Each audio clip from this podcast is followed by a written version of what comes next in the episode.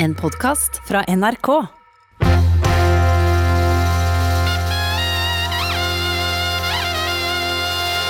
Påskelabyrinten.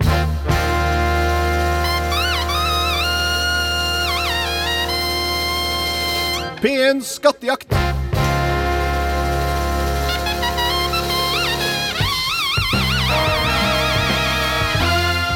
Riktig god tirsdags formiddag og velkommen til den andre etappen i årets påskelabyrint.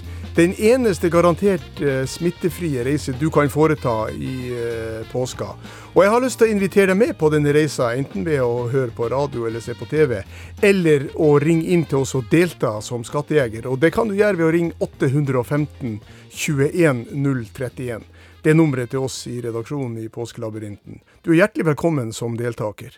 Så har jeg lyst til, før vi starter selve jakten i dag, å minne deg om at vi har en nettlabyrint på nettet som du kan ta, helt sånn når det passer deg sjøl, og du kan også konkurrere mot enkelte NRK-kjendiser om hvem som kommer først til skatten der. Den kan du ta akkurat som jeg sa, når det passer det. nrk.no ligger den. Og vi trekker ut en vinner eh, i løpet av hele påska. Flere vinnere som får ei T-skjorte tilsendt fra oss. En av dem vi har trukket ut nå, det er Elise Kubberød fra Larkollen. Hun er en av mange som får ei T-skjorte tilsendt i posten, som uh, vinner av den, din egen nettlabyrint. Men så skal vi altså videre inn i labyrinten, eh, og det er det jo Tordis Sofie Langseth som skal være behjelpelig med å føre oss inn i. Velkommen tilbake, Tordis. Ja, takk. Leinesfjord i Nordland er du ifra. og Du befinner deg i et distrikt der det ikke er så veldig god dekning, så eh, det kan hende at det blir en litt rusten mobiltelefon, men vi får gjøre så godt vi kan i, i fellesskap, Tordis. Ja, vi får prøve litt, litt dårligere nett enn i går. Ja. Vi kom altså fram til NTNU takket være det periodiske system i kjemi. Jeg må jo innrømme at jeg har faktisk eksamen i, i kjemi fra NTNU. Og det periodiske system er jo oppbygd på en sånn måte at eh, det er tall som eh, tilkjennegir etter atomnummer da, eh, hvilket kjemisk grunnstoff det er snakk om. Og det er jo da forkortelser for disse grunnstoffene. så N står for nitrogen, ikke sant. Og thorium ja. har TH. Og når du trekker fra hydrogen, som er H, så blir det bare T-en igjen og U er uran. Og vi kom fram til NTNU. Jeg vet ikke hva slags forhold du har til NTNU, Tordis, for du foreslo jo det som det første som falt deg inn når det gjaldt eh, studiesteder i Norge. Ja, jeg hadde jo skjønt at, den, at, det, at det, var to to slutall, det var to like bokstaver, og at, at, det var, at det var N. Ja, til slutt så måtte de bare foreslå noe. Da, da da tenkte jeg på NTNU. Men jeg, jeg, var jo egentlig mest inne på at jeg tenkte studiested var, var, byen, men at det ikke var akkurat selve universitetet. Men det var det jo som var svaret. Ja, du er en... Hvilket forhold jeg har til NTNU. Jeg har ikke studert der og har ikke noen nære familiemedlemmer ellers som har studert der. Men har du ja, Nei, men eh, du, litt, litt, flaks, men stort sett så er det jo en gluping. Eh, for det at du klarte å kombinere at det var to like bokstaver. Sånn. Det er eh, imponerende. Og så var det han Dmitrij Mendelejev som laga det periodiske system som vi skulle fram til. Han Dmitrij som ble nevnt. Du har altså klart fem oppgaver, Tordis, og har dermed tatt ledelsen i jakta på en finaleplass i Postlabyrinten. Og vi går videre og ser om du klarer å henge med enda en stund. For på NTNU i Trondheim så møter du ei dame som vil ha deg med til en dal der en gjeng med figurer bor. Hovedpersonen i denne dalen er en, et barn som gjerne vil ut på eventyr og oppleve, men aller helst redde noen, forteller dama. Den omsorgsfulle og trygge mora holder familien samla, mens faren er barnslig, eventyrlysten og bohemaktig. Og de bor i et høyt sylinderforma blått hus i jugendstil der de går i dvale i tre måneder om vinteren. Barnets beste venn bruker gamle, grønne klær og en bredbremma, gammel hatt. Røyk pipe og spiller munnspill. Han bor i telt og går ikke i dvale. Og dama mener at de litt klumpete, hvite figurene vil ta godt imot det dersom du besøker dalen.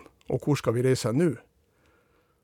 Ja, jeg sitter og ser på, på det der lekende barnet. Og, noen av, noen av de andre dalen. Det har jeg bilder på edderkoppen min. Ja vel? Så vi skal vel til Mummidalen? ja, det skal vi jo. Hvor skal vi reise hen da? Ja, det er i Finland. Ja. Men stedsnavnet på, altså, jeg, jeg, kjenner ikke noe annet stedsnavn enn Mummidalen. Nei da, men det er helt i orden, det, for det var Mummidalen som er reisemålet ditt. Og det er, ja. så, det er jo ikke så godt å si egentlig konkret hvor Mummidalen er, bortsett fra at det er laga en, eh, en, utgave av den eh, ikke så langt ifra Åbo i Finland. Okay. Ja, en, eh, noe som heter Muminvälden på svensk, eller ja. Mumimailma på finsk. Hvem er det som står bak eh, disse figurene? Nei, jeg kjenner ikke forfatteren, men det er jo en veldig gammel serie. Jeg husker jo vi fant bøker om det her på ofte hos bestemora mi for uh, masse år siden. Så det er jo ikke Det, det er jo en barnebøker som har, uh, har vært lenge. Ja da, du har helt rett i det. Det er helt ifra faktisk rett etter krigen kom den første boka ut. Tove Jansson het hun som uh, ja, ja, står bak dette her. Det, ja. Og en del av disse figurene har jo brukt eh, faktisk eh, egne modeller fra eget liv for å lage. Mummitrollets beste venn, f.eks. Snusmumrikken het han. Ja. Det er basert på eh, en hun var forlova med på 40-tallet, en som heter Atos Virtanen, som også ble politiker i, i Finland. Så uh, i hennes nærvær så trenger man ikke å føle seg trygg på å bli på en måte karikert, men nå er jo hun uh, borte, som du kanskje vet. Seks reisemål, Toris. Ja. Er du klar for å reise videre? Ja, vi må bare fortsette med neste hold her. Ja, for i Finland så møter du en trivelig mann som du garantert har sett og hørt før. Hei, jeg heter Are, og jeg jobber bl.a. med podkastserien Kongerekka. Ditt neste reisemål er et sentralt sted for en av de tidlige kongene i kongerekka.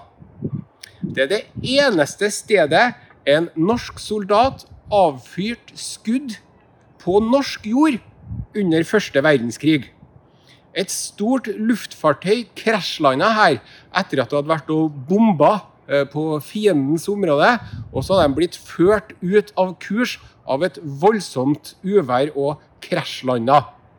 Etterpå ble soldatene internert på en nærliggende norsk militærleir, før de ble utlevert tilbake til hjemlandet. Ja, og så er det et våpen som ofte nevnes i kongerekka, som bokstavelig talt er hugd inn i fjellet her. God reise, lykke til! Ja, kjente du igjen den karen her? Ja, han, han Are er jo han som opererer. Ja, nå ble det litt dårlig forbindelse til hun, uh, Tordis. Jeg vet ikke om hun ramla ut tror nesten det. Hun eh, nevnte altså at det er Are, og det, han presenterte seg jo for så vidt som det. Så eh, det var ikke så rart at hun klarte det. Det var eh, en rekke opplysninger her, altså. Blant annet at eh, det er det eneste stedet der det blir løsna skudd fra en norsk soldat på norsk jord under første verdenskrig. Og et stort luftfartøy krasjlanda her etter å ha slått bomber over fiendeland. Og så det, kom det ut for et kraftig uvær som førte langt ut av kurs på heimveien, og så måtte de krasjland, eller nødland om du vil. Og, og soldatene om bord ble internert i nærliggende norsk militærleir for å bli utlevert til heimlandet. Og så var det et våpen som ofte er omtalt i kongerekka, som er bokstavelig talt høgd inn i fjellet. Vi må nesten slippe til og, uh, Tordi Sofie Langseth igjen for å uh, gå videre i uh, samling av poeng.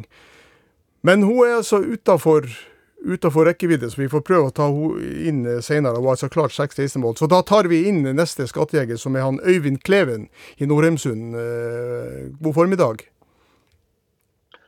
God formiddag, ja. Der var du. Ja. Jeg har en liten følelse av at uh, vi har hilsa på hverandre før. Ja. Eh, det er en god del år siden. 2004. Men eh, som du ser, så har jeg nyere T-skjorte på meg. Ja, det ser jo ikke radiolytterne da, men uh, Øyvind sitter altså med Påskelabyrint-T-skjorte på seg. Og du var med i 2004, var det det du sa? Ja. Og så var jeg med som uh, ja, medhjelper i 2019. Ja vel? Da, da var jeg med sammen med han som sitter bak meg her. Akkurat, ja. Da skjønner jeg kanskje at Kjenner du, du han, ja? du er den berømte svigerfaren, du. Er Svigerfar til Emil André Erstad som vant her for to år siden. Ja, nettopp. Og han hadde den store glede av å, å bli bedre enn det, Øyvind. Så nå har du sjansen til å ta igjen, altså. Ja, det spørs. Si litt om eh, deg Eh. sjøl, bortsett fra at du er svigerfar eh, til en tidligere vinner. Du er lærer, arbeider i barneskole. Ja. Og som så mange andre er lærer. Ja.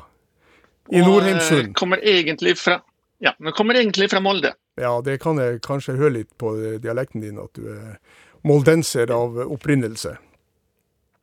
Ja. Men eh, du får nå sjansen til å løse den neste oppgaven, i og med at vi mista eh, Tordis. Og hvor skal vi reise nå? Ja, eh, denne var ikke så helt enkel. Eh, Hvem var det vi hørte? Ja, det var jo Are fra Are Odin sin, sitt program. Ja. Eh, Jensenius, var det det? Odin Jensenius, ja. Are og Odin. Ja. Ja. Odin het Jensenius. ja. Han var det. Eh, jeg har dessverre ikke fulgt med på eh, hans eh, kon kongerekkeprogram. Nei, Det har jeg ikke fått gjort. nei, han har jo en podkast som heter Kongerekka, som du kanskje skjønner. Det skjønte jeg, ja. Ja. Så var det dette med eneste plass i Norge der det ble avfyrt skudd under første verdenskrig. Ja. Og så var det noe våpen Var det hogd inn i fjellet, sa du? Ja. Et våpen som er ofte omtalt i kongerekka, er bokstavelig talt hogd inn i fjellet på det stedet vi skal til. Ja. Hogd inn i fjellet, ja. Ja, Det første jeg tenker på med våpen og fjell, det er jo dette her sverdet i fjell ved Hafrsfjord. Ja. Men de er jo ikke hogd inn. Ja, det kommer an på hvordan du definerer det. De er reist etterpå. Ja, Ja. ja, hvis, du hvis du med hogg tenker at du setter deg rett ned i fjellet, så ja, jeg tror det var det Are mente, faktisk. Så hvor, Ja. vil du, hvor vil du reise hen, da?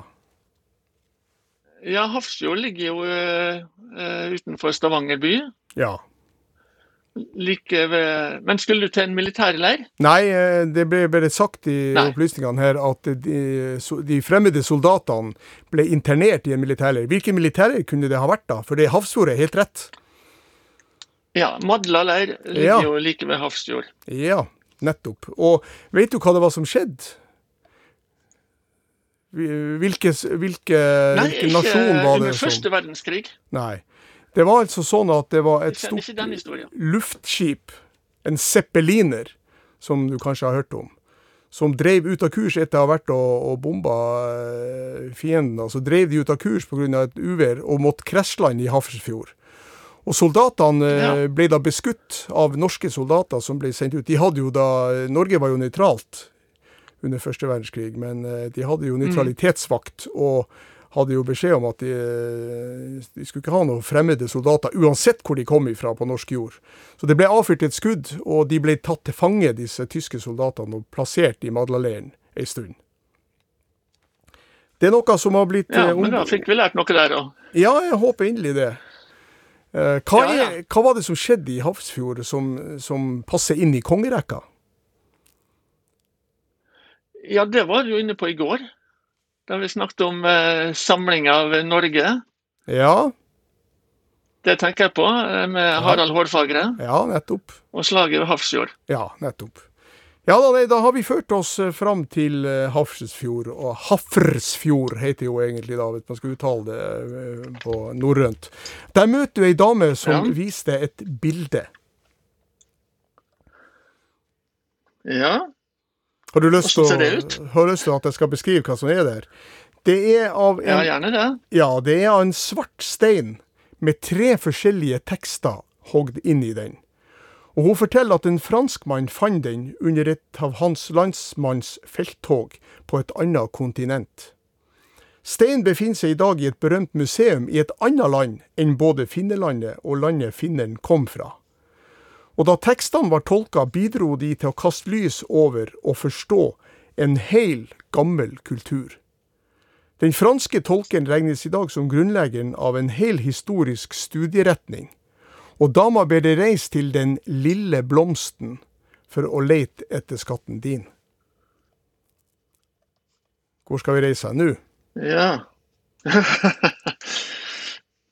ja, her var det mye Det var altså en svart stein ja. med tre tekster på. Ja.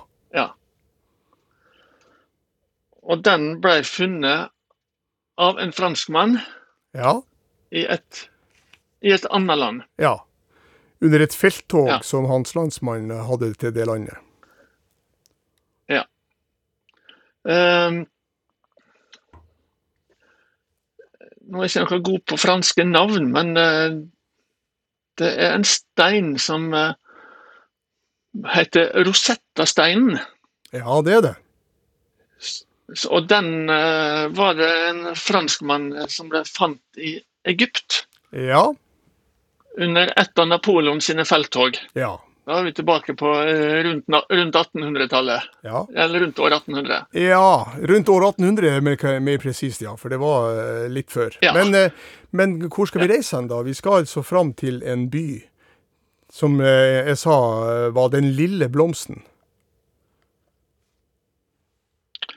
Den lille blomsten, ja. Uh, du har jo for så vidt allerede vært inne på det. Skal ikke prøve å forvirre men deg. Du... Nei. Hvor skal vi reise hen, rett og slett? Altså, du... Ja, vi, vi skal til Eg... ja. Egypt, var det ikke ja, det? Og nærmere bestemt til Hvor hen i Egypt, ja. Ja. Uh, du ser nå uh, Heter det rett og slett Rosetta? Du vil reise til Heter det Rosetta? Jeg tror at det er det som uh, Jo. Rosetta, ja. Liten, liten blomst. Liten, liten rose. Ja, nettopp. Så Rosetta. Du, så du vil reise til Rosetta. Det er helt rett, Øyvind. Ja. For det var det man kalte den byen den gangen. Den heter egentlig Rashid i dag på, i Egypt. Og det var selvfølgelig Napoleon som var der på et felttog i eh, 1799, faktisk. Så det noe nærmere 1800 kan du vel ikke komme, for så vidt. Og han som, han som fant den, han het, var kaptein da, og heter Pierre-Francois Bouchard. Men eh, det var en annen mann som fikk tak i denne steinen og tolka den, nemlig en språkekspert som heter Jean-Francois Champollion. Og hva var det som var på denne steinen? Nei, hva som var der, det, det vet jeg ikke. Det ga opphav til en hel retning innenfor uh, kulturstudier. Hva er det egypterne er kjent for når det gjelder å hogge inn i stein? Ja, det er vel sine hieroglyfer. Ja, nettopp. Det var akkurat det som var. Man hadde aldri skjønt disse, hvordan de her skrifttegnene skulle tolkes, før han fant tre tekster, nemlig tekster som, på et språk han også forsto, som var samme teksten. Så det var hogd inn i denne steinen på tre forskjellige språk, samme budskapet. Og dermed så kunne han Ja, Så han klarte å tol tolke det over, ja. ja. ja. Nettopp. Og det ga da starten til en, uh, et studium som vi kaller egyptologi. Ja. For man fikk da gjennom det som står i skreven der, og at man kunne lese andre hieroglyfskrifter, så fikk man en ganske god innsikt i den egyptiske kultur. Rosetta reiser vi til, og i Egypt så møter du en ung dame i sportsklær med en gullmedalje med NSF 2021 rundt halsen. Hun sier at navnet hennes er det samme som en herregård på hjemstedet som satser på sagbruks, sagbruksdrift. Og etter en in industriell krise på det gamle industristedet på 60-tallet, er det nå optimisme på stedet med hovedfokus fokus på kultur, som også avspeiles i skiltet på ei bru over riksveien inn til stedet. Og her finner du boligområder oppkalt etter både nordiske og mellomamerikanske land, samt sted med samme navn som et mer berømt farga torg, som nevnes også av DDE, der det umulige er mulig. Og hvor skal vi reise nå? Ja, jeg sitter og noterer her. Ja, det må vel til? Ja, det, det må til skal vi klare å uh, få til noe her. Altså, gullmedalje NSF 2021, ja. det høres ut som det må være en uh, skiløper. Ja. Og, det er nok det. Som kommer fra en uh, herregård. Ja, hun har samme navn som en herregård. På heimstedet. Samme navn som en herregård, ja. ja. ja. Som satsa på sagbruksdrift. Men eh, etter en ja. industriell krise på eh, dette industristedet vi skal fram til på 60-tallet, så er det nå optimisme fordi man satser på kultur. Som også avspeiles i et skilt over, eh, på ei bru over riksveien inn til stedet. Ja. Um, jeg tror vi skal til en uh, forholdsvis ung skiløper. Ja. Iallfall i forhold til resten av de vi gikk sammen med. Ja. Hvem er det du tenker på? En junior, kanskje. Ja. Jeg tenker på uh, hun som fikk ankeretappen på VM-stafetten i år. Ja. Helene Marie Fossesholm. Ja. Hun har samme navn som Fossesholm herregård. Ja, riktig. Og den ligger på Den skal ligge Ja, Eh, den ligger vel eh, på Vestfossen. Ja, du, du vil reise Øvre Eiker. Du vil reise til Til Fossesholm herregård. Ja, eller uh, industristedet som vi skal til. Vestfossen. Vestfossen, Helt riktig. Vestfossen. Og det er Helene Marie Fossesholm som er junior, som tok sin første NM-gull på 10 km fri uh, i Granåsen i 2021. Og så gikk hun ankeretappen, som du sier, for Norge i VM i Oberstdorf. Helt rett. Og på dette industristedet så uh, har de jo uh, en del sånne navn som f.eks. Mexico og Den røde plass. Og det var det som var henspillinga ja. på DDE og uh, Mathias Rost, som jo landa med fly på Ja, selvfølgelig. Ja, og, ja, jeg husker jo den fortellinga om Mathias Rost. Ja, og på den eh, såkalte Jutebrua, som er ei jernbanebru som går over rv. 35, så har lokale ildsjeler fra ungdomsklubben hengt et skilt der det står 'Velkommen til kulturhovedstaden'. Ja. De tar virkelig i på Vestfossen, som du skjønner. Ja, jeg syns det var ganske å ta i det der. Ja, det var det. Og Vestfossen, det sa du ligger i hvilken kommune? Øvre Eiker. Øvre Eiker, ja. Det er helt rett. I, uh, i Da er vi alle i Viken. Viken fylke, ja. Ja, det er det. Ja. Nedre Eiker har jo blitt slått sammen med, som en nabokommune, blitt sammen med Drammen. Men Øvre Eiker har beholdt sin status, så vidt jeg vet. Og på Vestfossen, eh, Øyvind, så møter du ei dame som forteller om en mann hun beundrer, og som har hatt stor betydning for både norsk og nordisk kulturliv. For nøyaktig 90 år siden til sommeren så skulle han tas opp i et ordensselskap, der en viss Carl allerede var medlem. Og for å bli opptatt så måtte han på en kjent forfatters oppfordring skrive en tekst som hylla et spesielt områdes natur og dufter. Der omtales en bestefar som føler seg som en gutt, mens han ser på måsene som fanger fisk i sjøen, og blander kaffen sin ut til passe styrke og smak. Han ser det brenne i den vindtørre furutoppen når sola går ned, men likevel så slutter ikke dansen før sola atter står opp. Og hvor skal vi reise hen nå? du, gjør, du gjør det ikke enkelt? Nei, det kan jeg vel aldri tenke meg til å gjøre når de er såpass gode skattejegere som er deltakere. en mann som er sentral i norsk og nordisk kulturliv. Ja. Og som eh, Så sa du noe om noe ordenssamfunn eller noe sånt for, ja, for 90 år siden? Ja, for 90 år siden så skulle han tas opp i et ordensselskap der en viss Carl allerede var medlem. Og For å bli tatt opp så måtte han skrive en tekst som hylla et spesielt områdes natur og dufter, og det er det området vi skal til. Ja. Så var en bestefar som føler seg som en gutt, og som eh, ser på måsene som fanger fisk. Og uh, ser at det brenner i den vindtørre furutoppen når sola går ned. Og likevel så slutter han ikke å danse før sola står opp igjen. Nei.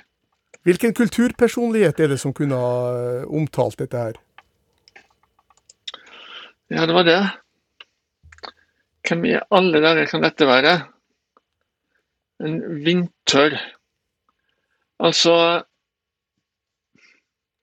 Karl, det høres ut som en eh, eh, Som en svensk eh, konge, holdt jeg på å si. Ja, det er i hvert fall en svensk kongenavn. Eller, kan, eller kanskje en felles? En, en felles norsk-svensk konge, kanskje? Ja, i hvert fall er det uh, konger som har hett Karl, det har du helt rett i. Ja. Men hva som uh... Det er det jo. Og, så det må være noe som uh... Har vi et annet navn på, på Carl? Ja, så sa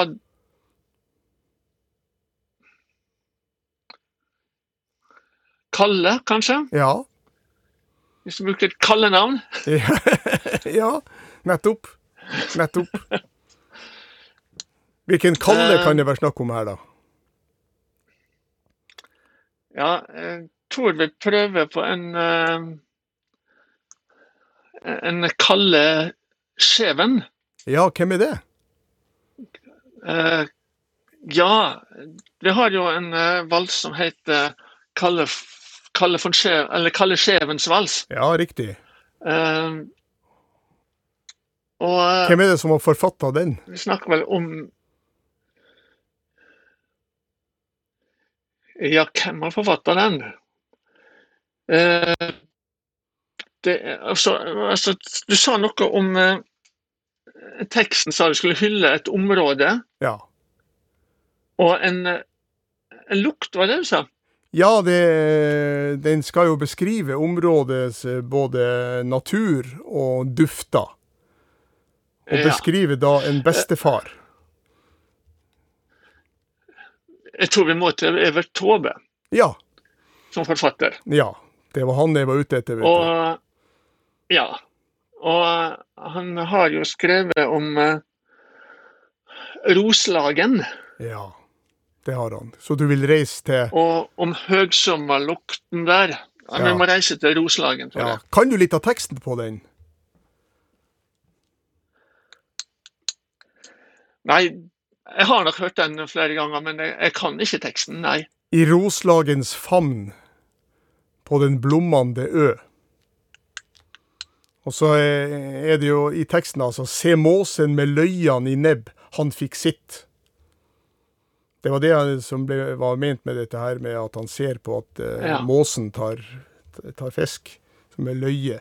Det brinner ja. i martallens topp, her danser Kalleskjeven med Roslagens ros, han danser når solen går opp. Ja. Hvor ligger Roslagen hen? Ja.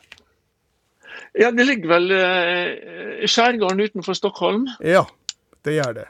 Og da er det kanskje mer naturlig, som du sa, at sola står opp. Vi er vant til å tenke at det blir røst når sola går ned. ja. Men i Stockholm så blir det når sola går opp. Ja, nettopp. Han, han ser vel at det brenner i, i furua når den går ned, og så danser han helt til den går opp igjen. Det er vel sånn det, ja. det er ment. Men eh, historia ja. er altså sånn at han skulle bli medlem av en eh, høytidelig forening, og fikk da Den heter Pelaordenen i 1931, ja. altså for 90 år siden ute i sommeren. Og der var det en, en, forfatter som heter Albert Engstrøm, som sa at du får ikke bli tatt opp med mindre du skriver en hyllest til Roslagen, som inneholder beskrivelse av naturen og, og dens sommerdufter.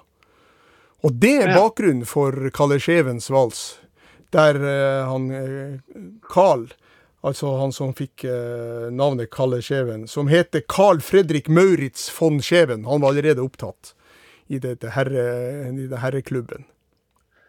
Hørtes jo nokså kongelig ut, hele navnet. Ja, ja svenskene har det vel uh, på den måten, uh, tror jeg. De, som, de hadde ja. jo, holdt seg jo lenge med adel i Sverige.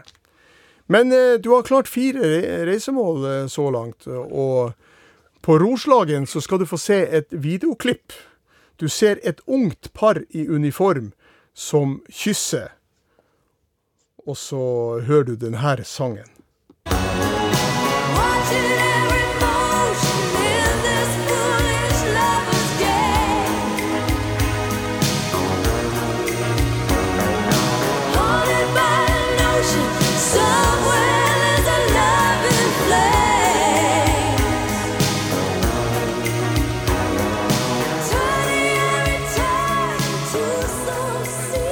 Plutselig så skifter videoen innhold, og du ser åtte gorillaer som får medisinsk behandling med oksygenmaske.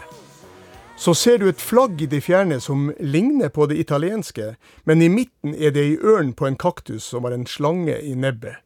Og så ser du et maleri av en mann i munkekappe med glorie rundt hodet, som utfører medisinske handlinger på en rekke pilegrimer.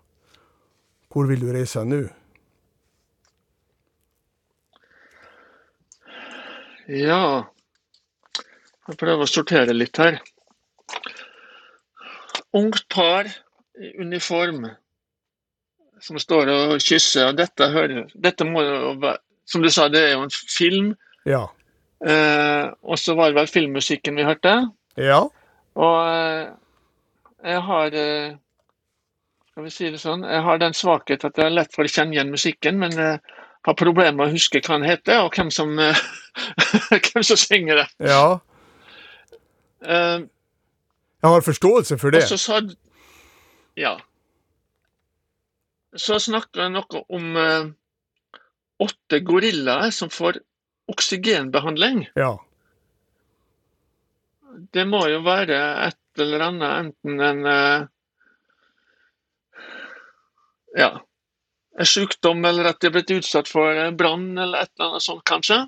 Ja, mer, mer nærliggende kanskje i våre dager enn det, kanskje. Ja, det er noe smitte de har fått i seg, Ja. kanskje. Ja. Hva slags smitte, Hva tror du? Hva slags smitte tror du det er? Der man trenger oksygenbehandling? Ja, kan de ha fått covid òg? Ja. Det tror jeg faktisk. Ja. Ja. Eh, nå får jeg jo litt hjelp fra min eh, svigersønn her. da. Det skulle bare mangle, sånn som jeg hjalp han for to år siden. Det er jeg enig med deg i. Ja. Eh, han kommer fram til dette med sangen som da sannsynligvis er Top Gun. Ja, det er det. Ja. Og eh, i, den filmen Top Gun så er det en flyskole som ligger på en plass som heter Miramar. Og det flagget som ligner det italienske Du sa det var noe i, i midten på det flagget. Hva var det? Ei ørn på en kaktus som har en slange i nebbet. Så ser det nesten ut som det italienske flagget. Ja. Da eh, tror vi er i Mexico sitt flagg. Ja, det er det. Og eh, Vi skal fram til en by. Ja. Og flyskolen eh, var da Miramar, men den ligger vel i byen som heter San Diego. Ja. Så du vil reise til Jeg reiste til San Diego i Ja. Vi snakket om Mexico her med flagget, men San Diego ligger kanskje i California? Ja, det gjør det. Definitivt. Og nå har satt, Ja. eh, nå har jeg satt en fane over de fire strekene. Så du har klart fem reisemål, eh, Øyvind. Og San, San Diego er, er jo oppkalt etter en helgen, selvfølgelig. Det heter San. Så var en Ja, helgen det er der som munken kommer inn, da. Ja, det var han som behandla pilegrimene eh, for en eh, pandemi, eller en epidemi, faktisk. Og det henger jo litt sammen med at disse gorillaene i den store dyreparken i San Diego faktisk ble smitta av korona og fikk covid-19 og måtte ha behandling, eh, medisinsk behandling. Og så ligger det jo ganske nært grensen til Mexico, og var faktisk en del av eh, Mexico og meksikansk kultur før det ble innlemma i USA. Ja. Og, og hvem var det som spilte hovedrollen i, i Top Gun, eh, husker du det? Nei, det kommer jo akkurat det samme problemet som vi har med å huske eh, titler på sanger. Eh, Han er veldig kjent i Norge for å ha spilt inn filmer i Norge òg. Ja da. Og her Da, da er svigersønnen min igjen som er den som ser filmer av oss. Akkurat. Men uh, han, har, han har jo vært i mitt uh, nærområde opprinnelig, da. så Molde-traktene var i Åndalsnes nå. ja. Og da er det vel Tom Cruise vi Det er. Tom Cruise som Abid Raja ble så veldig forelska i. Ja. For å si det på den måten. ja da, du har klart fem reisemål, Øyvind. Og eh, nå haler du innpå Tordis, da, som dessverre ikke fikk sjansen pga. et dårlig nettverk. Men vi får se hvordan det, det bærer av gårde. Men jeg tror det at vi, du skal få en bitte liten pause nå, mens vi tilkaller Sven Nyhus og hans kvartett. Er du ikke enig i det at vi kan slippe til Karis Pers Polska før vi går videre? Jo, nå kan vi ta en liten pust her. Ja. ja.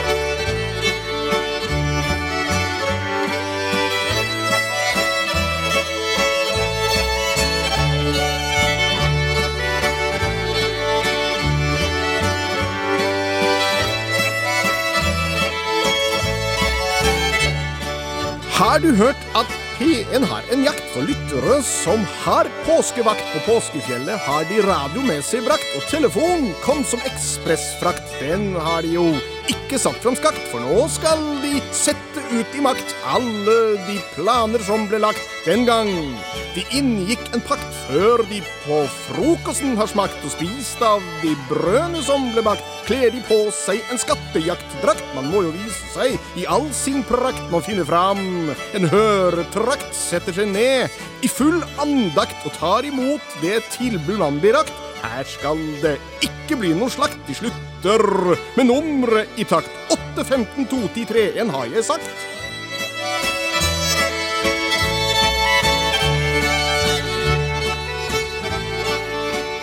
Tusen takk til Sven Nyhus og hans kvartett for at de bidro med Karis Pers polska. En eh, slått, en polska altså, som Sven Nyhus har fortalt meg, egentlig stammer fra Finland, fra et distrikt utenfor Helsinki som heter Garis. Og da er det han Per som bor der, som altså står bak denne Garis Pers polska.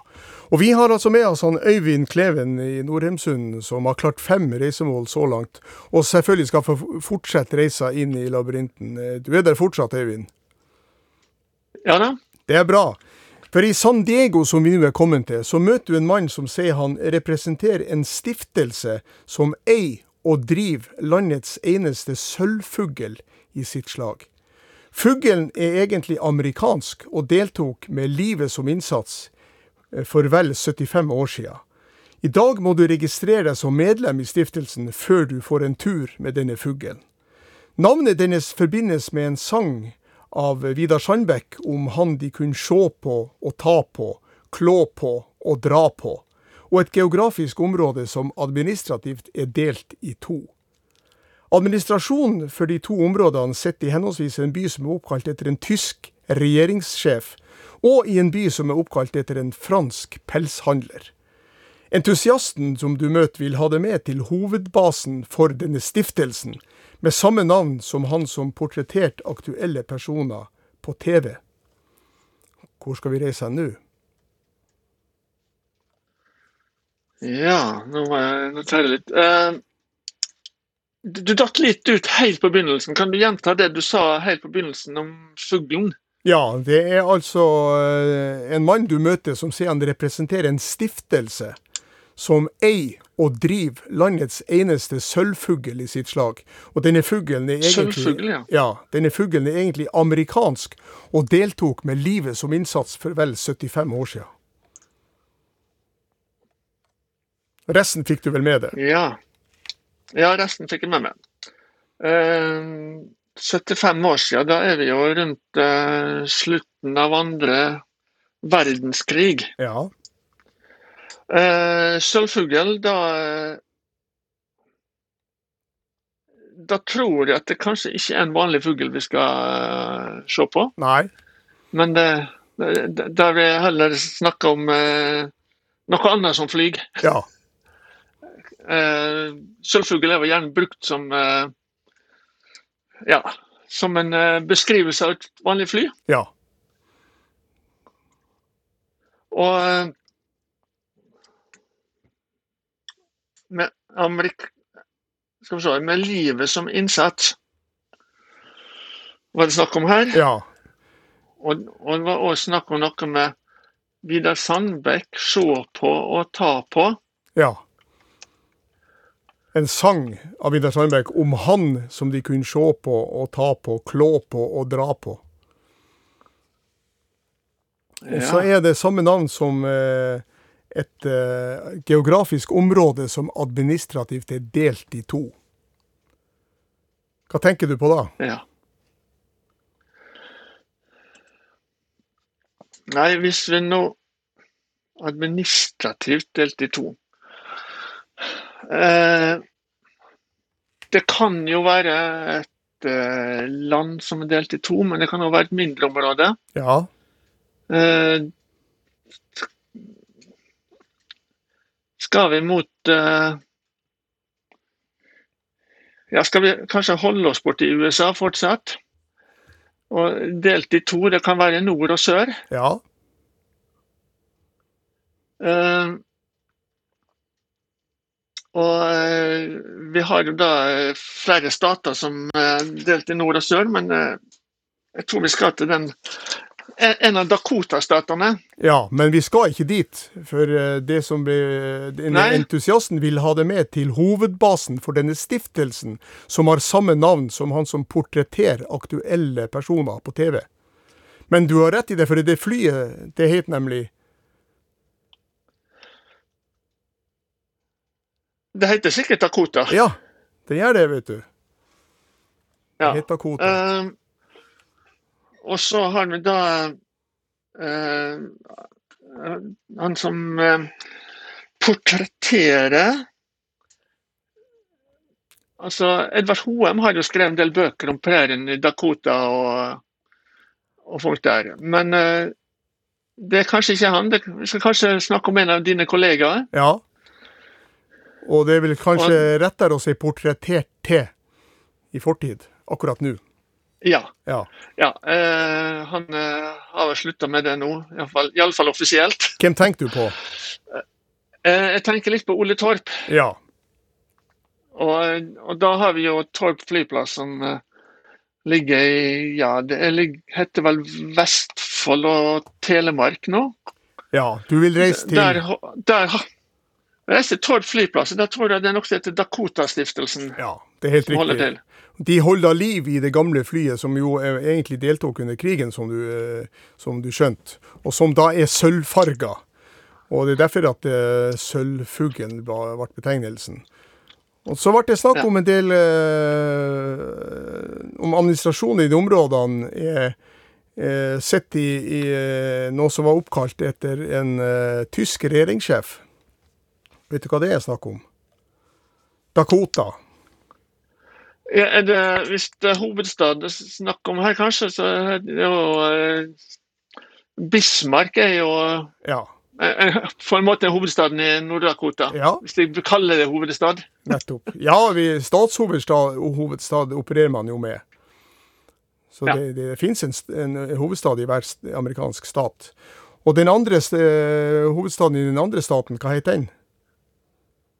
Uh, ja, du snakker noe fransk navn, ja. Det, da kommer vi til Pierre. Ja, stemmer det. Oppkalt etter Pierre Chauteau jr., som var andregenerasjons fransk innvandrer, og som da var pelshandler. Så det blir grunnlagt som Fort Pierre Chauteau. Ja da, du har løst eh, alt eh, forbilledlig de her, og klart seks reisemål som er det samme som Tordis har klart til nå. Og da må jeg bare si til alle de som, som savner Tordis, at eh, hennes nettverk er så dårlig at vi får ikke tak i henne på telefon i dag. Men vi skal prøve å få tak i henne i løpet av resten av påska, så skal hun få lov til å gå videre. Men du, Øyvind, har et godt nettverk der du er, og du skal få lov til å gå videre og se om du klarer å slå uh, Tordis her. For på Torp flyplass så møter du en mann som forteller at han kommer fra et område som uh, er kontinentets lengste kjede av geografiske steder. De er oppdelt i seks mindre kjeder spredd over tre land, og danner grensen mellom fruktbare og atskillig mindre fruktbare områder. Området har navn etter en kjempe som fikk den straffen at han måtte bære himmelen på sine skuldre og straffen fikk han av gudene fordi han valgte feil side i kampen imot dem, i motsetning til de to brødrene hans. På 1500-tallet ble det utgitt noe med hans navn som er et kjært, nostalgisk hjelpemiddel for mange skattejegere.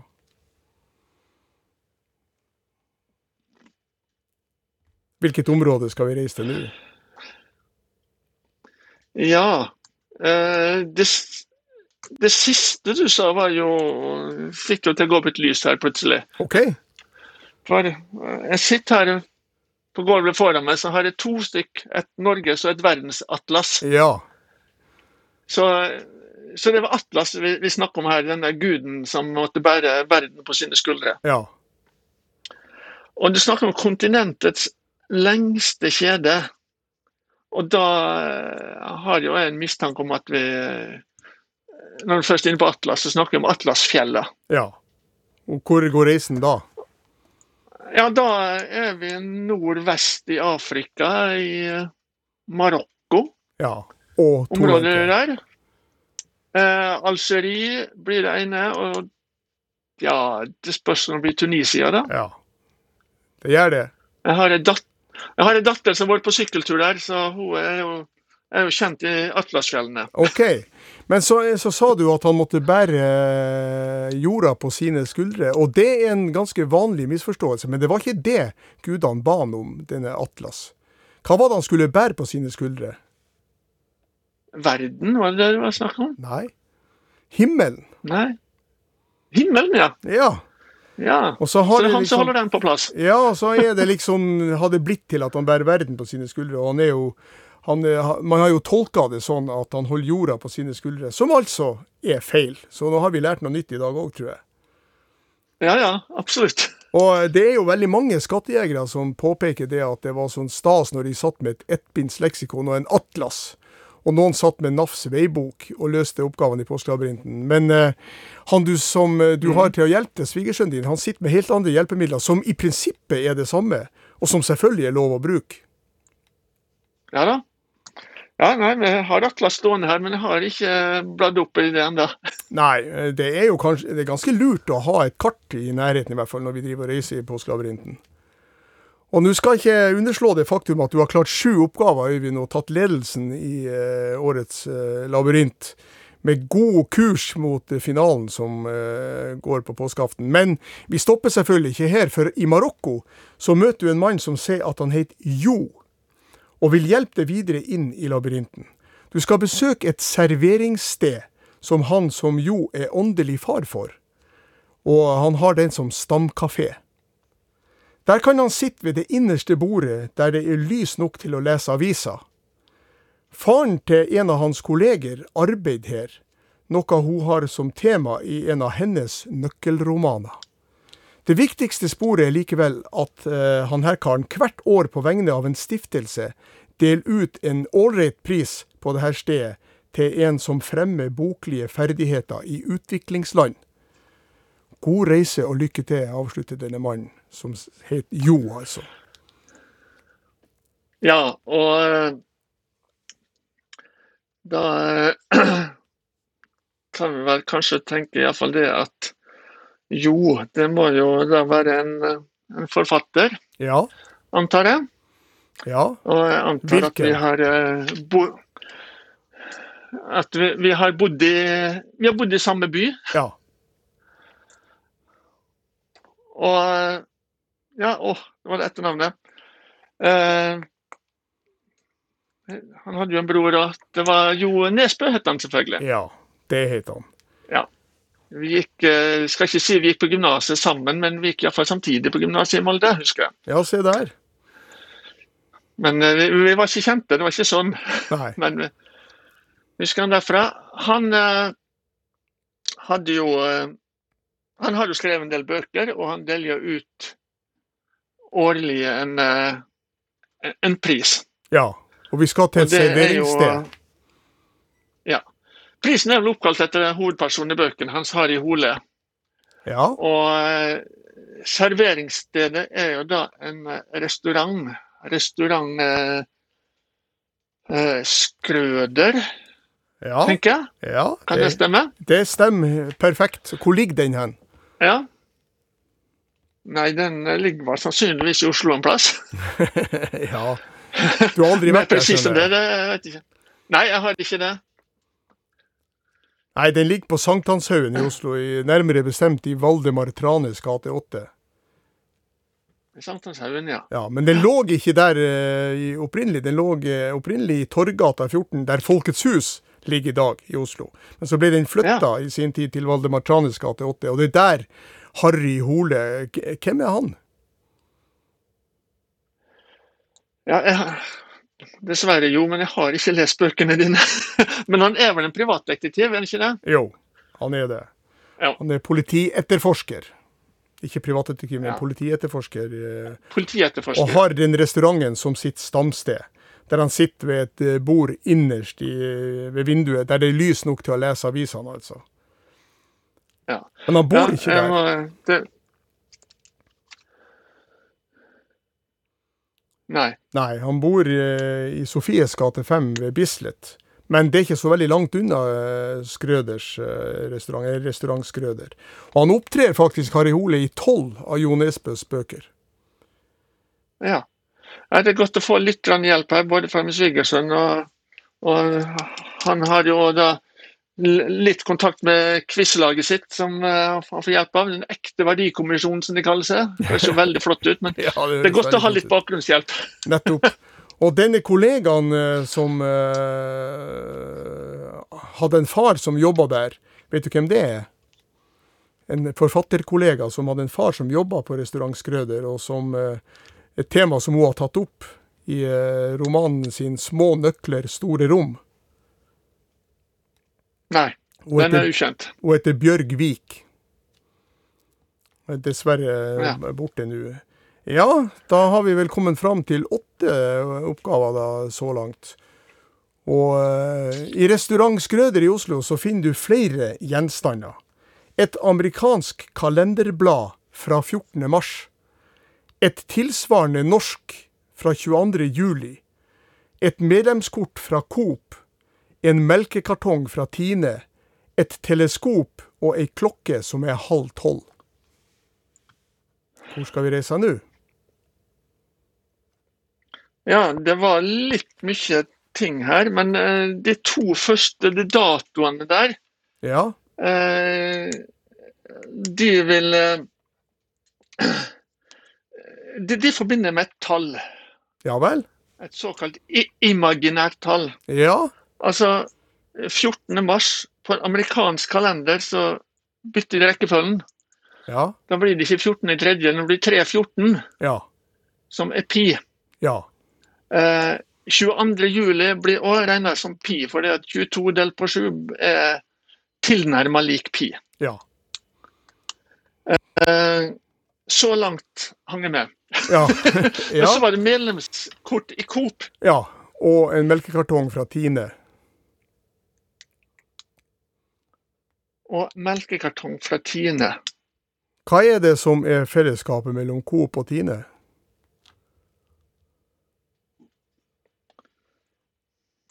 Ja, det har noe med eh, det er, altså, ligger kanskje litt i ordet Coop, at det er sånn kooperativ. Altså at det feller seg mellom mange andre. Ja. Hva kaller vi det? Mange som eier det. Hva kaller vi det? At det er, ja, det er medlemmer som eier men hva, hva kalles det? ja? Ja. Med, Sannsynligvis med ordet pi inni der, da? Ikke nødvendigvis, men eh, du er absolutt inne på noe her. Ja. Handelslaget kaltes, kalte vi jo gjerne før. Ja, eller eh, Samvirke. Ja. Ja. Nettopp. Og hvordan kan du kombinere det med, med pi? Så må vi ikke glemme av at det var et teleskop her og ei klokke som viser halv tolv. Jeg tror vi stopper der, eh, Øyvind, for vi kommer ikke helt fram. Og du får ikke med den oppgaven i regnskapet, for tida tar oss nå. Så du blir med oss også i morgen, Øyvind Kleven fra Norheimsund. Så skal jeg bare fortelle ja. dere at uh, Eivind Motland har vært produsent. Uh, Gudbjørn Bondhus har vært teknisk ansvarlig. Vi er selvfølgelig tilbake med en ny runde, den tredje etappen i Påskelabyrinten, i morgen til samme tid. Og hvis du har lyst til å delta, så kan du altså ringe 815 21031. Med det forbeholdet at uh, Øyvind eller Tordis, som har vært med tidligere, ikke klarer reisene videre. Men du er hjertelig velkommen til å høre og se på i morgen. Jeg takker for i dag, ønsker deg fortsatt god påske.